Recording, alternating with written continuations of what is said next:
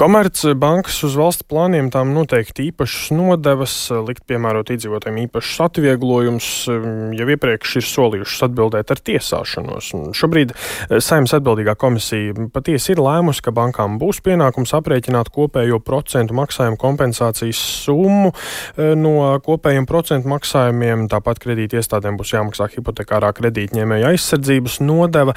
No vienas puses varētu šķist, ka varbūt tās prasības pret bankām šķietami ir mazākas nekā pat ir izskanējis iepriekš. No otras puses, tādas tomēr ir. Kā uz to reaģē Komercbankas un vai solījumi tiesāties varbūt aizvien ir spēkā? Nu šos un arī citus jautājumus tad šobrīd uzdošu Finanšu nozares asociācijas valdes loceklim Jānim Brazovskim, kurš pievienojas šeit studijā. Labrīt! Labrīt, paldies, ka uzaicinājāt!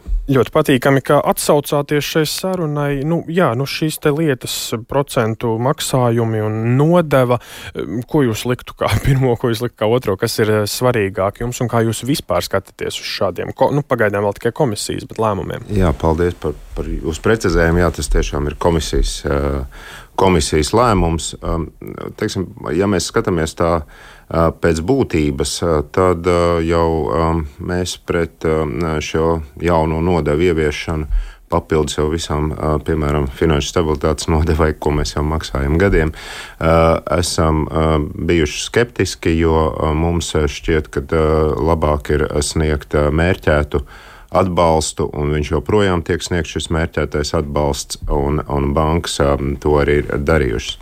Uh, jā, ilgā uh, darbības posmā, kurā mums ir jāsaka, arī uh, bija dažādas uh, sarunas, un arī liels paldies premjerai par iesaisti. Uh, dažādas sarunas, kā labāk šis uh, jautājums būtu risināms. Mēs jau kaut vai paskatāmies uz likuma projektu.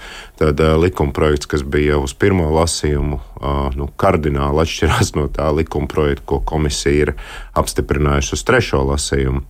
Tā kā mūsu pozīcija joprojām ir tāda, ka šādas lietas ir risināmas, ja tas ir nepieciešams, ja tiešām datos var saprast, ko mēs mērķiecīgi atbalstam.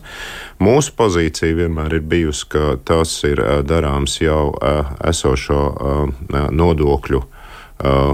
Nodokļu teiksim, tā, ietvaros, piemēram, uzņēmuma ienākuma nodokļu ietvaros, un pēc iekasējot to, un mēs arī piedāvājām risinājumu, kas līdzīgi mūsu kolēģiem Igaunijā ir izdevies, proti, ka mēs piedāvājam samaksāt vairāk dividendēs par šo gadu.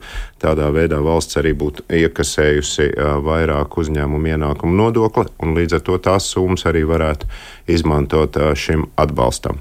Nu, šobrīd ir šāda atbalsta forma komisijā apstiprināta, kura mums būtiski būtu pēc būtības mēs joprojām to nekādā veidā nevaram atbalstīt, bet, protams, kā jau es pieminēju, tehniski likuma projekts, protams, ir uzlabojies salīdzinot ar, ar pirmo lasu. Bet tas ir uzlabojies, jā, un jūs arī minat, ka līdz galam tam nepiekrītat. Iepriekš izskanēja dažādas versijas par iespējām tiesāties ar valsti, bet vai tas vēl ir aktuāli, ja šis, kas šobrīd ir, tiek arī apstiprināts? jau kā mēs esam teikuši, jau tiesāties ar, ar, ar valsti un, un, un katru reizi pieminēt šo tiesāšanos. Protams, ka tiesāšanās kā iespēja uh, ir jebkuram no mums par, par likumiem, un mēs to arī izvērtējam. Bet vēlreiz gribētos teikt, ka svarīgi jau ir par ko tu tiesājies, un lai to saprastu, ir jābūt attiecīgi šim likumprojektam. Un kā jau es minēju, likuma projekts eh, nu, tikai pagājušā nedēļā ir apstiprināts, apstiprināts komisijā un vēl pat nav izgājis parlamentā. Tāpēc runāt par to, tiesāties, netiesāties, tās ir tikai būtu, būtu spekulācijas. Bet, protams, kā jau mēs esam uzsvēruši, kā jebkuram ja mēs uzskatām, vai bankas pareizāk, jo šajā gadījumā procesāli jau tikai mani kolēģi no bankām to var darīt, nevis asociācija uzskatīs, ka ir pamats apstrīdēt un, un vērsties tiesā, tad noteikti šāda iespēja arī tiks likumā noteiktā kārtībā izvērtēta. Jā, un komisija gribētu, ka saimnes šos jautājumus skata 6. decembrī. Šodien ir 4. decembris, divas dienas. Kā jums šķiet? Jums ir tās pamatotas cerības, ka jums mums varētu vēl izdoties kaut ko sarunāt vai, vai vienoties par kaut kādu tādu vairāk pieņemamu gala rezultātu? Es domāju, ka mums tikai gribētos uzsvērt to, ka mēs atbalstu sniedzām un sniegsim, un tas likuma nepieņemšanas gadījumā jau šis atbalsts tāpat tiktu, tiktu sniegts tādā vai savādākā veidā, kā nu kura no mūsu kolēģiem kredītiestādēm ir, ir izvēlējusies. Jā. Tā kā, tā kā mēs joprojām uzskatām, ka šis risinājums nav tas pats labākais un optimālākais, un ko mēs arī visās sarunās un, esam uzsvēruši un turpinam uzsvērt.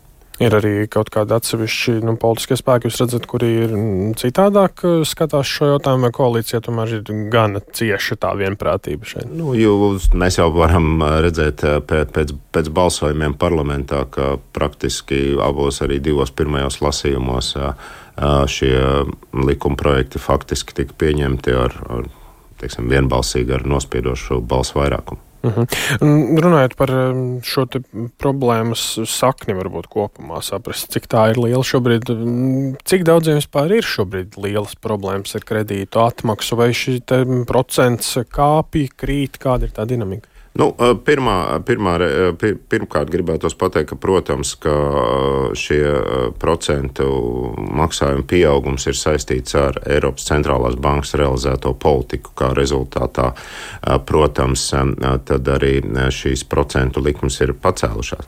Jāsaka gan, ka man liekas, ir arī būtiski uzsvērt, ka visi šie atbalsta mehānismi, kuri ne tikai mūsu valstī, bet arī citās valstīs tiek piedāvāti, tiek realizēti, nonāk pretrunā ar šo monetāro politiku. Un arī Eiropas centrālā banka ir katrā ziņā signalizējusi, ka šādi atbalsta mehānismi noteikti, nu, kā minimums, paildzinās tos apstākļus, kādos ir jārealizē pretinflācijas pasākumi. Tā kā tas ir, un to ir būtiski uzsvērt. Un, uh, un, un otra lieta, laikam, ir kāda šādiem, uh, kas vienmēr ir, ir uztraucoši, ka šādi likuma projekti gan tiek pieņemti it kā. Um, uz, uz laiku. Kaut vai šis likuma projekts, kas tiek piedāvāts ceturtdienas saimē, lemt ir tikai uz gadu. Bet nu, vēsture rāda, ka šādi pagaidu risinājumi vienmēr arī kļūst ļoti, ļoti pastāvīgi risinājumi. Mēs, mums kaut vai Latvijā ir piemērs ar finanšu stabilitātes nodevu kuru pēc 2008. un 2009. gada krīzes ieviesa uz laiku.